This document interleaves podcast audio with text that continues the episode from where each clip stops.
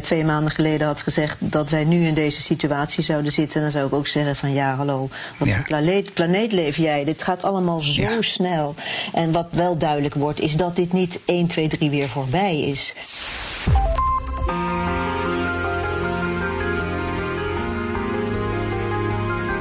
Je luistert naar De Stratege, een podcast van BNR in samenwerking met het Den Haag Centrum voor Strategische Studies. Mijn naam is Paul van Liemt. The COVID 19 virus is rapidly spreading. Europe's open borders are closing. much of America shutting down. A financial panic rocked world markets again today. I think it's clear we're going into a recession. It's become clear only in the last few days exactly the scale of the challenge that the world now faces with this virus.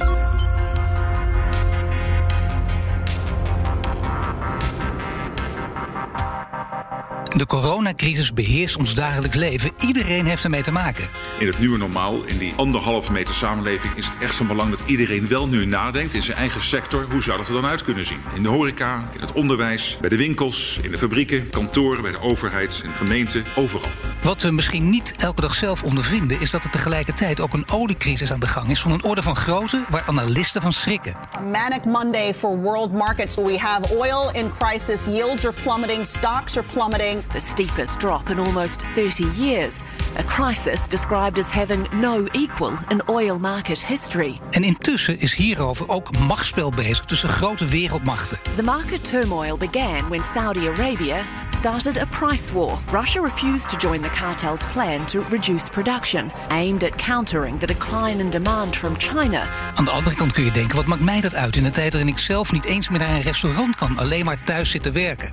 Toch is er alle reden om je druk om te maken. En waarom, dat ga je horen in deze aflevering van De Strateeg. Van mijn gasten Lucia van Geuns, Ik ben geoloog, ruim 40 jaar actief in de olie- en gasindustrie. En ik ben energieanalist bij het Den Haag Centrum voor Strategische Studies. en Anna Rebensikova. Ik ben wiskundige, ik heb in de politiek gewerkt. Ik ben financieel analist en ik heb bij twee grote Londense banken gewerkt. Ik zit meer in de fikhoek, wat men noemt. Dus ik kijk ook naar commodities, waaronder olie Makeshift desks, headphones on, shared space with family and pets. This is the new normal of work from home life. Right about now, for many, it means working from home. That is the new normal. Business community, it's in their interest that people actually stay home. I am working from home. That's entirely the right thing to do.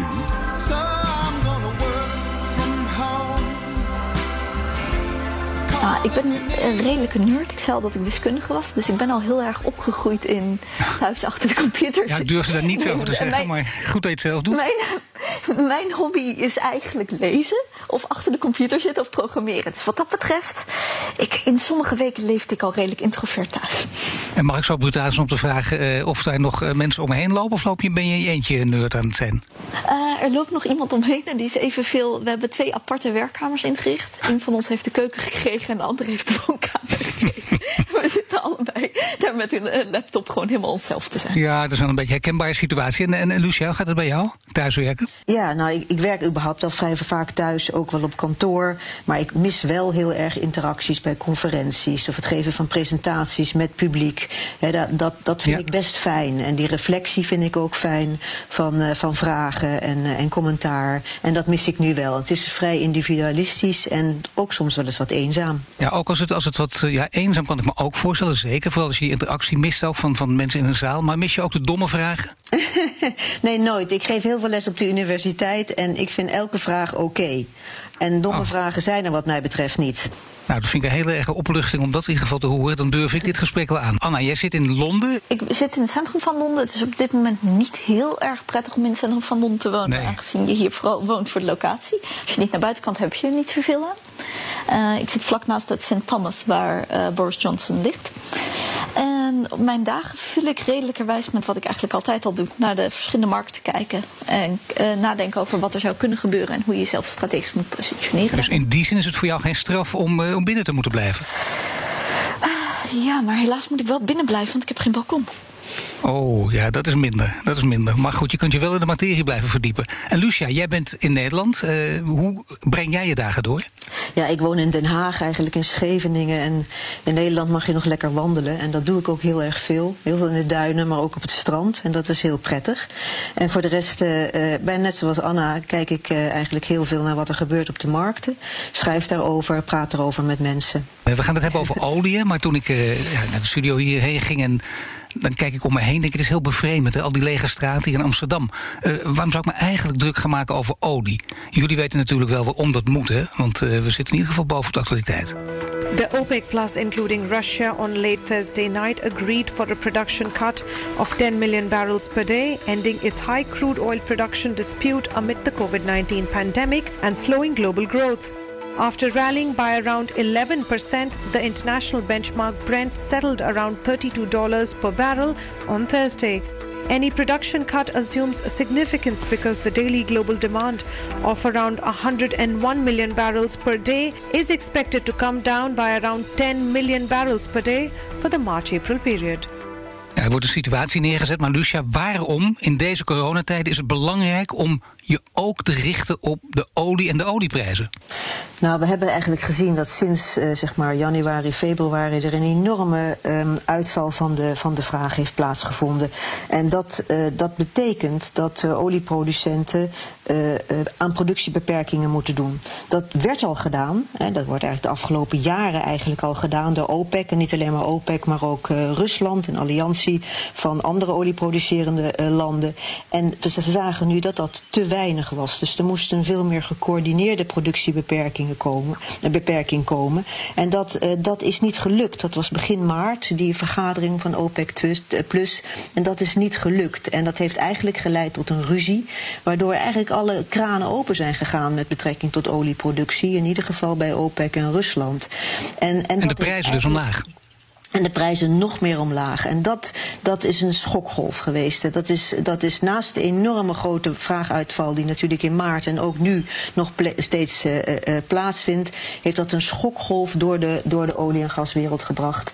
En, en daar zitten we nu mee. En daar wordt ook dus nu zowel vandaag, en vandaag is dan de, de dag, vrijdag, waarin de, de G20 bij elkaar komen, maar ook gisteren, donderdag, de meeting van OPEC Plus. Daar moet echt gecoördineerd uh, productie worden beperkt. En of ze daar uh, uitkomen en of ze daaruit zijn gekomen, daar kunnen we het zo nog even over hebben. Maar in ieder geval Rusland en de OPEC in een eerder stadium dus, hè, gisteren wel een deal gesloten, als je het zo mag noemen. Maar wat houdt het dan precies in? Want dat is het begin, hè. G20 is nog een volgende stap, maar wat houdt deze deal in? Ja, nou deze deal houdt in dat OPEC en dan met name Saoedi-Arabië plus nog een aantal andere OPEC-producenten en Rusland flink veel olie uit de markt zullen gaan halen. Althans, flink minder olie zullen gaan oppompen. En, uh, en zij zijn Rusland, uh, Saudi-Arabië en daarnaast ook niet OPEC natuurlijk Verenigde Staten, de grootste, producent van, van, de grootste producenten van de wereld. En dat betekent dat zij waarschijnlijk 15 tot 20 procent minder olie zullen gaan oppompen. Om dat gat wat nu ontstaat tussen vraag en aanbod te kunnen dichten. Maar dat gat, dus die, die, die vraaguitval, is ongekend. Die heeft zich nog nooit voorgedaan in de ja. geschiedenis. En, en dat, dat is, loopt nu al op tot 15, 15 miljoen vaten per dag. En mogelijk, en dat zijn voorspellingen voor de hele maand april, kan het mogelijk naar 25. En er zijn zelfs geluiden van 30 miljoen vaten ja. per dag uh, gaan, uh, gaan oplopen. En dat kan je eigenlijk niet stutten met uh, productie uit de markt te halen. Dat is eigenlijk onmogelijk. Ja. Dus maar, is eigenlijk too little, too late. Zeker, maar als je zegt uh, nooit eerder in de geschiedenis, dat zijn bekende teksten in deze tijd. Dat speelt dus hier ook. Uh, als het gaat ja. over winnaars en verliezers, uh, kun je ze nu al aanwijzen. Er moet nog van alles gebeuren. Er moet ook nog G20-overleg zijn. Maar Anna, kun je al winnaars en verliezers aanwijzen?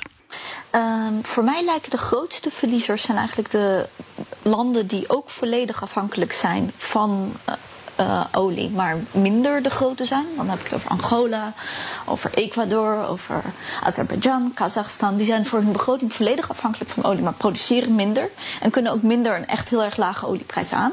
En we zien ook dat er in Amerika al verschillende schaliebedrijven flink in de problemen zijn gekomen. Dus dat zijn de eerste echte pijnleiders. De tweede laag pijnleiders zou je kunnen zeggen zijn in de groene projecten. Een groen project nu financieren terwijl de olie uh, zo laag staat, is heel erg moeilijk. Dus je zult zien dat daar de innovatie minder snel in zal lopen. En dat het niemand echt zin heeft om een green project op te zetten. En op de lange termijn zou je kunnen zeggen dat Rusland en Saudi-Arabië zichzelf aan het schaden zijn. Maar voordat je daar komt, weten ze heel veel andere mensen omver te duwen. Wat dat betreft kun je het redelijk vergelijken met Albert Heijn, die eigenlijk gewoon een grote prijzenoorlog opent. En de kleine kruideniers en de kleinere supermarktketens die daar als eerste onder lijden. Ja, en om die crisis nu echt op te lossen, want die hebben het over winnaars en verliezers, maar we hopen op een oplossing. Wat moet daarvoor gebeuren? Dat zijn natuurlijk uh, misschien wel wonderen, maar toch, Lucia, afgezien van wonderen die niet gebeuren, wat zijn, wat zijn realistische wonderen die moeten gebeuren?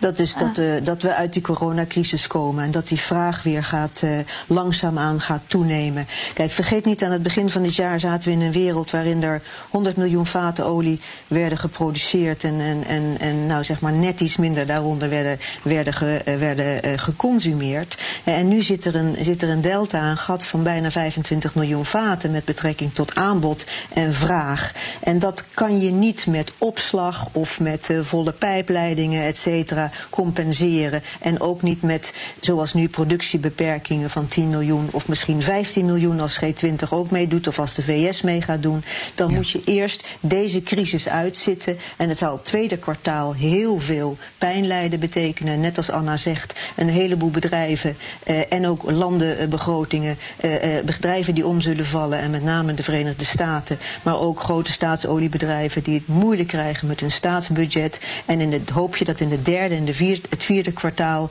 wanneer die, uh, wanneer die coronamaatregelen iets worden opgelicht, hè, dat mogelijk dan de vraag weer zal toenemen. Maar het zal tot ver 2021 zijn voordat mogelijk weer, weer komen tot een, ja. een vraag van 100 miljoen vaten per dag. Ja, Anne? Hier, uh, hier stipt Lucia iets heel erg interessants aan. Want de, de, economische modellen gaan er continu vanuit dat we in Q3 en Q4 het beter zou gaan. Omdat, hij, uh, omdat dat is nou eenmaal hoe economische modellen werken. Als we één kwartaal naar beneden schokken, schokken we over het algemeen het uh, daaropvolgende kwartaal ja. omhoog. Dat is echter niet hoe epidemiologische modellen werken. Nee. Niemand zegt dat deze slechte Q2 betekent dat we een betere Q3 tegemoet gaan. En dat is heel erg lastig, omdat men ook in de nieuwe oliedeal daarvan uitgaat. Ik bedoel, we gaan nu waarschijnlijk ja. inderdaad voor 10 miljoen vaten minder produceren. Lucia spreekt over uh, dat er 25 miljoen minder vraag is. Ik lees vrij veel het getal 35. Maar okay, we zien dat nog erger. Juli, ja, dat is nog erger. Alleen vanaf juli gaat men uh, van die 10 miljoen vaten minder naar 8 miljoen vaten minder. Je hoeft geen ja. wiskundige te zijn om te zien dat je dan nog steeds veel en veel te veel aan het produceren nee, bent. precies, want ik ben ook geen wiskundige en ik zag het ook en het viel me inderdaad op. En we weten dus nu dat de situatie veel ongewisser is dan ooit en dat we niets hebben aan de bekende economische modellen waar we ons altijd aan hebben vastgehouden natuurlijk. Maar laten we even ja, kijken. Hier, dat u, hier ja, zijn economische modellen ook, uh, Paul, niet, niet, eigenlijk niet, niet meer toepasbaar. Want Nee. er is een fysieke onmogelijkheid om die olie nog ergens op te slaan. En je hebt bijvoorbeeld nu even als voorbeeld in de Verenigde Staten, in, uh, in North Dakota, maar ook Midland. Daar, daar wordt nog steeds olie geproduceerd. Een heleboel van die bedrijfjes produceren nog maar olie. Krijgen uiteindelijk in Amerika nog maar 14 uh, dollar per barrel voor die olie. En in feite zitten die pijpleidingen nu helemaal vol, want ze kunnen het nergens meer afzetten. He, oftewel, de raffinaderijen kopen het niet meer. Dus op een gegeven moment is er een fysieke beperking om überhaupt die olie nog ergens kwijt te raken. Volgende week, of misschien de week daarna, is er geen opslagruimte meer. Niet meer in de, in de strategische uh, opslagen en in de commerciële opslagen, waar ook ter wereld. Dus dan moet er uiteindelijk gedacht worden aan het, gewoon het afsluiten van, ja. van, uh, van, van producerende putten, van velden. Nou, en dan, dan en... ben je wel in een situatie terechtgekomen wat ook unprecedented is. Anne? En we hebben in andere grondstoffenmarkten gezien dat volledig op nul zetten van een veld kan niet altijd. En in dat geval krijg je iets heel raars, dat is heet negatieve prijzen. Dan kan iemand niet stoppen met productie, maar dan gaat hij gewoon mensen betalen of raffinaderijen betalen om het maar van zichzelf af te nemen. En je hebt nu geruchten in de markt dat dat in Canada al gebeurt. En dan zitten we in een heel, heel rare wereld eigenlijk. Alleen, we hebben gezien in andere commodities het kan. Dus je kunt het niet ja. uitsluiten dat we daar binnenkort in zitten. Maar laten we even kijken voor het perspectief hoe we in die crisis uh, verzeild zijn geraakt. Global stock markets have plunged over fears about the coronavirus and a conflict among major oil producing nations has sparked a crash in oil prices. They collapsed 31.5% at the start of trading. Brent crude now only costs uh, $31 a barrel. That's the lowest price since January 1991. A battle is raging in global oil markets. Saudi Arabia has unilaterally increased its oil production levels in retaliation for Russia refusing to agree with OPEC requests for production cuts. Ja, uiteraard hier ook, Saudi-Arabië, Rusland, Amerika niet te vergeten. De drie grootste. Uh, kunnen we spreken van, want dat is altijd makkelijk, hè? net als in, in films, over de good guy en de bad guy. Of ligt het veel genuanceerder, Lucia? Nou, weet je, met name in begin maart, hè, toen die prijzenoorlog uh, min of meer van start ging, hè, omdat uh, Saudi-Arabië en Rusland het niet eens werden over die productiebeperking of extra productiebeperking. Toen, toen waren er natuurlijk heel veel berichten van, ja, dit is eigenlijk een, een, een, een, een, een geprogrammeerde zet van met name Rusland om nu eindelijk die uh, schalieolieproducenten in Amerika een hak te zetten. He, vooral ook omdat Rusland eigenlijk de afgelopen paar jaar, sinds ze deel uitmaken van de OPEC Plus-alliantie, met ledenogen zagen dat zij productie beperkten en tegelijkertijd die zeg maar constante relatief hoge olieprijs van 50, 60, soms 65 dollar eh, eigenlijk de olieproducenten in Amerika in de, in de kaart speelt. Het lukt ook, en ze vallen één na de ander vallen ze om, hè, de kleine schadioproducenten. Nou, nu, nu op dit moment wel, want een olieprijs van nou, zelfs 21 tot 25 dollar vorige week, ja. Dat is voor een, uh, en dat met name de West Texas Intermediate, dit is dan Brent, maar West, uh, West Texas Intermediate is nog veel lager. Daar, daar kunnen ze, daar kunnen die, die bedrijven die het sowieso al financieel heel erg moeilijk hadden, want het is helemaal geen winstgevende business, die, uh, de, de olieschalieproductie in Amerika, die, die vallen nu echt gewoon, terwijl wij praten, vallen ze om. Wie, wie, is de sterkste speler? Is jouw inschatting, Anna, als je nu naar kijkt, als we de grote drie naast elkaar zetten? Nou ja, kijk, um, even terugkomen op het vorige. Ik denk dat iedereen de good guy in zijn eigen verhaal is. En Rusland gaf al heel lang inderdaad aan dat zij zich ergerde aan die schaliebedrijven. En Rusland heeft ook gro grote reserves liggen, net zoals Saudi-Arabië. Zij kunnen nog enigszins winstgevend zijn. Zeker Saudi-Arabië, zelfs bij heel erg lage prijzen. Uh, Rusland heeft ook heel grote foreign reserves opgebouwd om juist dit aan te kunnen. Dus vandaar dat dat de hele theorie was dat men dit al langer van plan was, los van of COVID-19 was losgebroken of niet. Maar we zitten nu wel in een perfect storm.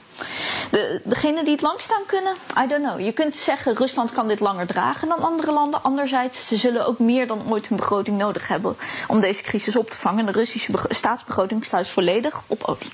Ja, en als jij het uh, moet, uh, moet taxeren, uh, Lucia, wat denk jij? Wie, zijn van de grote drie, wie van de grote drie is de sterkste op dit moment? Heeft de grootste, de beste troef in handen? Ja, het hangt er vanaf hoe je sterk definieert. Hè. Of dat uh, in, in financieel-economische zin is, in reserves of in productie. Alles bij elkaar. Uh, uh, ja, nou ik denk uiteindelijk, zo, zoals Anna ook aangaf, Rusland is gewoon een hele slimme strategische speler. die heeft natuurlijk de, tij de, tijden van hoge, hoge olieprijzen een goede buffer kunnen, kunnen, kunnen opbouwen. Die kan met 40 dollar echt makkelijk nog, nog 10 jaar rondkomen. Saudi-Arabië, ja, dat heeft weliswaar de meeste meeste oliereserves en kan ook het goedkoopst die olie uit de grond halen. Heeft dus ook lange adem. En, maar die is enorm op een marktaandeel. Die wil niet meer in een situatie terechtkomen zoals het was. Ik weet niet of je het nog herinnert. Maar in de tweede helft van de tachtiger jaren. Je, ja. hoort wel eens het ministerie van, eh, het minister, uh, minister, minister van Energie zeggen: 1987 never again. Waarin ja. zij ook probeerden om die lage olieprijs te stutten. Door olie uit de markt te halen. Nou, 15 jaar lang zijn ze toen hun marktaandeel kwijtgeraakt. Want 15 jaar lang is die olieprijs laag gebleven. En dat willen ze dus nooit meer. Zij willen echt van nou, we doen dit met elkaar. Dit moet, dit moet niet alleen maar door Saudi-Arabië worden gedragen. Want dat betekent anders een enorme, enorm verlies met betrekking tot de staatsinkomen. En, en Saudi-Arabië heeft natuurlijk met Mohammed bin Salman een heel ambitieuze ja, de facto leider. Ja. Die heeft een ambitieus programma, hè, ook om mogelijk te diversificeren met betrekking tot hun economie. En uh, dat kunnen ze eigenlijk nu helemaal niet meer betalen. Wat dat betreft, uh, Saudi-Arabië kan dit ook niet lang volhouden. Zo'n hele lage olieprijs. Dus die is er uiteindelijk ook bij gebaat dat dit weliswaar nadat de coronacrisis voorbij is, langzaamaan weer tot een meer stabielere oliemarkt gaat leiden. Omdat niemand daarin winnaar of verliezer zal, zal zijn. Je luistert naar de stratege en we hebben het over de coronacrisis, die ook een oliecrisis is geworden. Mijn gasten zijn Anneke Benchikova, financieel analist en Cambridge graduate, en Lucia van Geuns, energiedeskundige bij Den Haag Centrum voor Strategische Studies.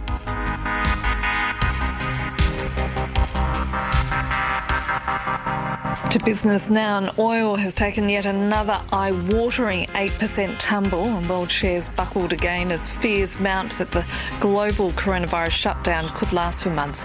Here in Europe, uh, London sliding nearly half a percent, Frankfurt losing 0.16%, and Paris shedding over 0.7%.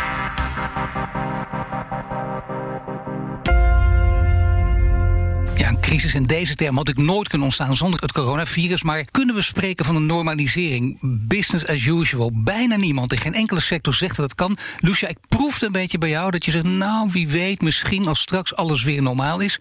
Maar kan het ook nog op deze manier? of komt er echt een nieuw normaal, zoals premier Rutte het steeds zegt? Ja, nou, het is natuurlijk vreselijk moeilijk om te voorspellen. Ik bedoel, als je mij twee maanden geleden had gezegd dat wij nu in deze situatie zouden zitten, dan zou ik ook zeggen van ja, hallo, wat ja. voor planeet, planeet leef jij? Dit gaat allemaal zo ja. snel. En wat wel duidelijk wordt, is dat dit niet 1, 2, 3 weer voorbij is. He, dat zal langzaamaan, zullen we uh, mogelijk weer in een soort van, nou noem het maar normaal, tussen aanhalingstekens, een normale soort van situatie terechtkomen. Maar we zijn dan denk ik ver in 2021. Dus een en ander zal, zal echt langs de lijnen van geleidelijkheid gaan lopen. En niet meer zo van, nou, van het ene moment op het andere, het is weer als normaal. Maar kunnen wel landen die, die zeer afhankelijk zijn van olie, zouden die even verstandig gaan doen om hun uh, economie diverser te maken? Ja, zonder meer. En, maar dat, dat is natuurlijk niet iets wat ook van de ene dag op de andere uh, dag gaat. Hè. Dat is iets voor de midden- en langere termijn. Maar waar mogelijk ze nu wel plannen voor kunnen maken. Maar vergeet niet, een heleboel van die landen op dit moment hebben het financieel heel erg lastig. Zou het kunnen, Anne, denk je, als die coronacrisis voortduurt en langer voortduurt dan we allemaal weten. Want ja, inderdaad, niemand weet het. We moeten er toch steeds maar even eraan toevoegen. Uh, kan er dan opnieuw een crisis van, van gelijke soort ontstaan? Uh, ik denk eerlijk gezegd dat de crisis überhaupt niet weg is. Ik denk niet dat het de huidige deal is voor een groot deel symbolisch. We spraken eerder over dat er nu 10 miljoen minder geproduceerd gaat worden. Vraag is veel minder omlaag. De markt reageerde heel even positief daarop en eigenlijk dook die daarna gelijk weer een beetje.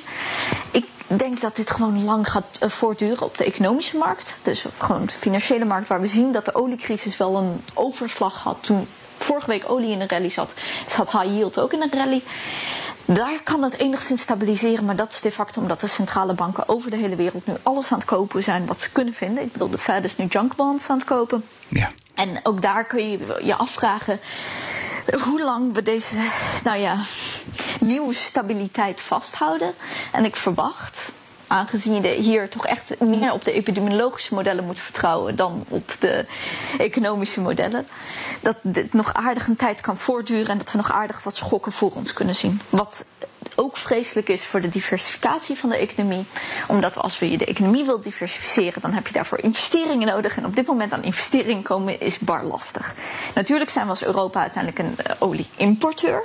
Ja. Dus we hebben het lang niet zo erg als de exportlanden, die volledig afhankelijk zijn van die olieprijs. Maar nog steeds zie je bij ons vooral de klappen binnenkomen via de rest van de financiële markt. En dat is ook de manier waarop de gemiddelde Nederlander het in zijn pensioen zal zien. Ja, ook dat speelt allemaal natuurlijk nog een rol. Er zitten, er zitten ongeveer vijf andere vraagstukken ook nog achter, dat zeker ook. Uh, maar uh, Lucia, uh, je kunt er niet voor uitkijken, maar je moet wel heel erg onderscheid blijven maken, vind je nog steeds, tussen korte, lange, we zeggen middentermijn, middellange termijn, lange termijn. Al die verschillende aspecten, kun je die nog steeds ook uh, handhaven, ondanks de verandering van modellen?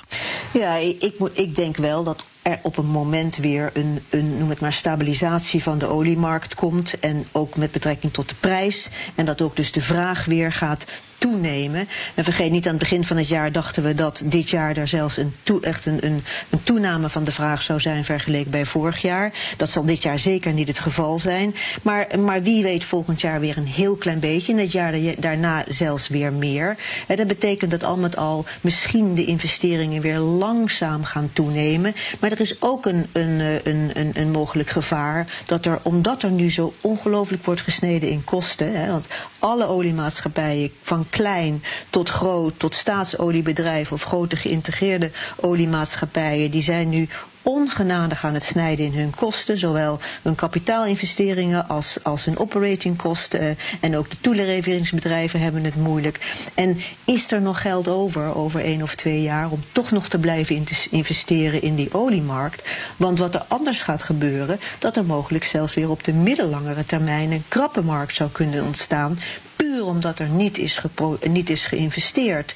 dus dan krijg je weer een situatie waarin er mogelijk uh, uh, te weinig supply is, te weinig aanbod is versus de vraag. en dat heeft natuurlijk, dan komt uiteindelijk ook op de dan nog langere termijn de energietransitie in beeld. want we zullen wel degelijk naar 2050 toe veel minder olie moeten gaan produceren. He, dat heeft alles te maken met, met broeikasgassen. Ja. maar nog zelfs in het geval van een scenario waarin we uh, uh, Parijs volgen, hè, dan, dan nog is er een kleine 60 of 70 miljoen vaten olie nodig. En dan praat je over 2050. En dat moet er dan wel zijn. Hè, en daar moeten wel investeringen zijn geweest om dat te doen. Wat je nu zal zien is dat alle olie die veel kost, dus meer dan 30, 40 dollar, die zullen uit de markt worden gedrukt. Dus uh, wat ze wel, wel, wel, noemen, alle zeg maar, marginale olie, die zal uit de markt worden gedrukt. En dat is voor een deel ook de schalieolie. Maar ook misschien wel diep, diep water. Dat is heel dure olie. En dus dat betekent dat de goedkopere olie, daar waar ze de goedkopere olie produceren, dus ook in die landen, die zullen nog het langst um, uh, kunnen profiteren van hun productie. Maar er moet wel worden geïnvesteerd. Want anders krijg je een krappe markt en dat geeft mogelijk weer een enorme opwaartse swing van de olieprijs. Eh, en dat is ook niet goed voor de economie. Maar dan praat je echt over de middellange en misschien wel langere termijn. Ja, dus we kunnen wel enigszins vooruitkijken, maar de toekomst blijft ongewis, in ieder geval spannend.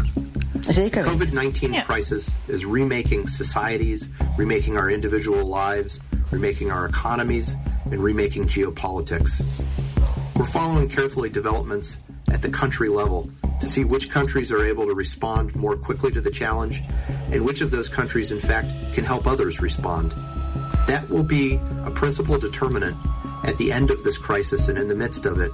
Who can dictate terms of what the world looks like post COVID 19? Ja, want hoe belangrijk is olie voor verschillende landen om hun geopolitieke doelen te bereiken, Anna? Voor de machtigste olieproducenten is het hun favoriete wapen om mee te slaan. En het is de, de, absolute kern van hun economie. En Lucia sprak eerder over de diversificatie van Saudi-Arabië, die niet is gelukt en nu zeker ook niet gaat lukken de komende termijn, omdat het geld niet is om mee te investeren. Maar ik zou zeggen, elk land probeert hetgene waar zij het allerbest in zijn en het allersterkst in staan te gebruiken om hun geopolitieke macht uit te oefenen. En olie zal daarbij altijd belangrijk zijn. En, en Lucia, wie slaagt daar nu het best in? Of welk land slaagt er het best in? Nou, dat vind ik een moeilijke vraag. Ik vind Rusland hier strategisch um, een heel slim spel spelen. spelen. Die, die zijn voor hun, uh, voor hun begroting en voor hun export uh, volledig afhankelijk van fossiele brandstoffen. en dat is niet alleen maar olie, maar olie voornamelijk, maar ook gas, steenkool.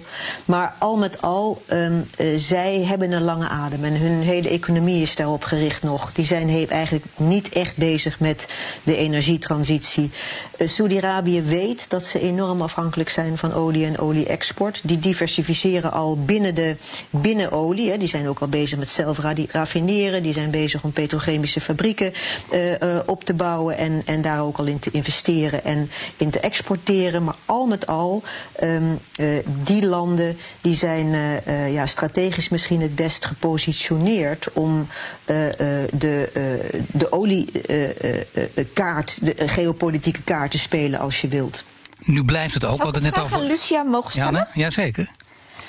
Uh, ze had het over dat natuurlijk uh, als dit, de coronacrisis eventually over is, dat we dan misschien een tekort aan olie gaan krijgen. We weten ook dat. Nou, echt lange, langere termijn, hè? Ja, echt lange termijn. Ja. Maar ik wil nu even een, een, een, iets positievere vraag stellen. Ja. Venezuela is nog steeds, heeft de meeste olie van iedereen ter wereld. Hoe zou Venezuela zichzelf moeten positioneren in die lange adem om misschien als land hier sterker van te worden? Om uiteindelijk hun olie te gebruiken om ja. meer te, om uit de huidige zooi waar ze nu in zitten te klimmen. En hoe zouden andere, nu zwakkere landen die wel veel olie hebben, zichzelf op de lange termijn ook richting investeringen die ze nu niet hebben, maar misschien in de toekomst wel kunnen doen, kunnen positioneren om juist uit deze glad een positief iets te maken? Ja. Nou, je noemde Venezuela. En Venezuela heeft vooral heel veel zware olie. En dat is nou typisch die olie, die, die hoge kostenolie, die het voor de toekomst niet gaat doen. Dat gaat waarschijnlijk nooit meer worden geproduceerd. En dat geldt ook voor oliezanden en zware olie in Canada. al die bedrijven die, die hebben het moeilijk, sommige zijn al omgevallen. En dat zijn dus, dus typisch die hoge kostenolie die het niet meer gaat redden en die mogelijk forever in de grond zullen blijven zitten. Dus voor Venezuela is dat vervelend. Ze hebben overigens ook nog wel andere olie. Hè, dus in principe zouden ze met goede investeringen en met een, noem het maar, een goede governance, zouden ze het misschien nog wel in de toekomst nog wat inkomsten kunnen genereren. Maar die landen, en dan praat ik over die landen met die moeilijke olie, hè, die gaat daar geen inkomsten meer uit uh, genereren. En het gaat ook een beetje over het uh, armpje drukken tussen Amerika en Rusland. Daar kunnen we ook uh, bijna twee podcasten mee vullen. Hoe dit helemaal gegaan is. Hoe de een op de ander steeds weer reageert. En de ander probeert de loef af te steken. Uh, is, dat, is, is, is Amerika uiteindelijk vanwege die, die, die kwetsbare schadigas toch de verliezer dan van de twee? Lucia? Ja, het, is, het is schalieolie. Je hebt schalieolie, neem niet kwalijk. Ja, en, je, ja, en, en die, die, die zitten, die, um, dat is ook relatief dure olie. Alhoewel ze door innovatie het wel steeds goedkoper hebben gemaakt. En het zal ook nu steeds goedkoper worden. En maar met name Trump heeft ook altijd gezegd van... ja, kijk, wij zijn energie onafhankelijk... en wij zijn nu ook netto-exporteur. Maar vergeet niet, ze importeren nog steeds een heleboel uh, ruwe olie. Ze exporteren veel olieproducten.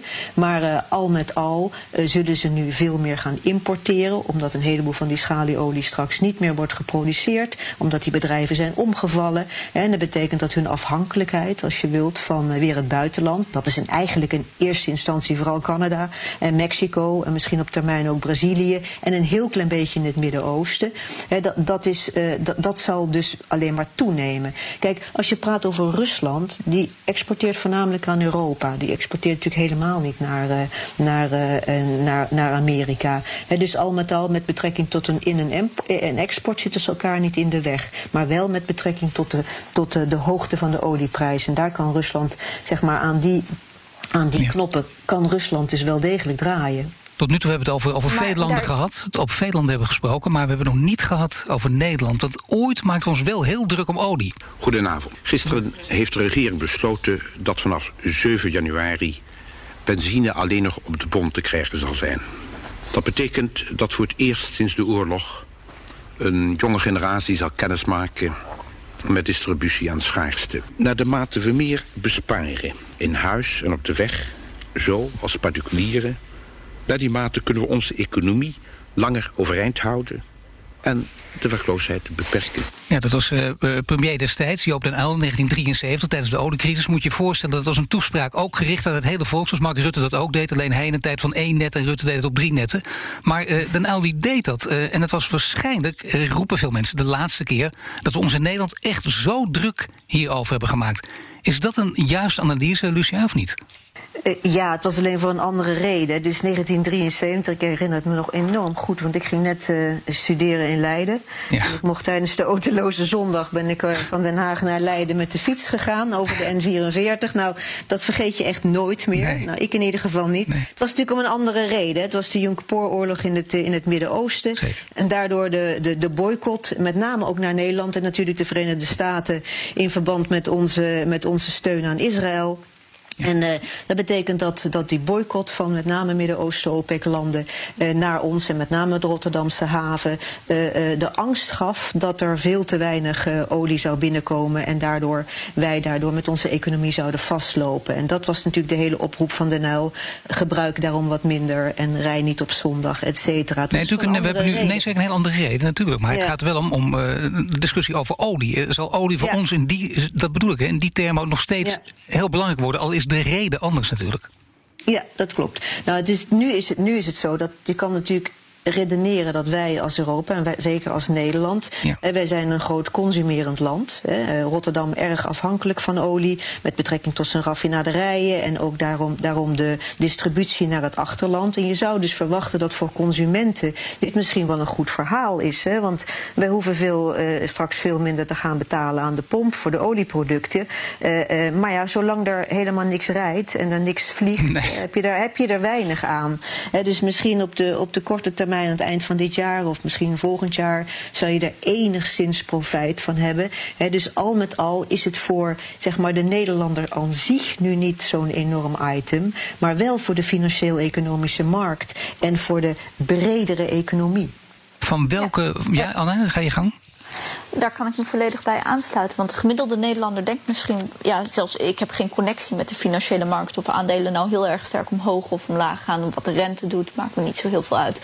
Wat er met creditportefeuilles gebeurt, maakt me niet heel veel uit. Maar wat je moet beseffen is dat Nederland per capita een van de grootste pensioensystemen ter wereld heeft.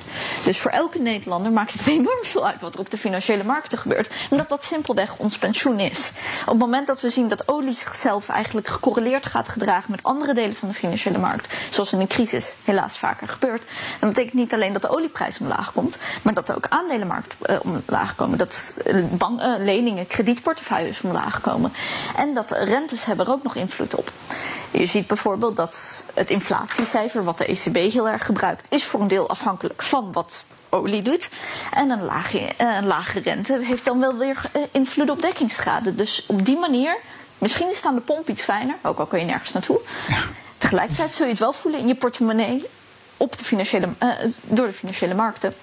Nou, dat, dat is, uh, ja, gaat dat, gemiddelde Nederlanders lange adem hebben. Ik dank jullie voor het gesprek. Anna Grebensikova, financieel analist en Cambridge graduate... en Lucia van Geuns, energiedeskundige bij Den Haag Centrum voor Strategische Studies. En luister vooral ook naar de andere afleveringen van De Strateeg. Bijvoorbeeld met Paul Verhagen over de apps die ons moeten helpen... bij het bestrijden van het coronavirus. Tot de volgende keer.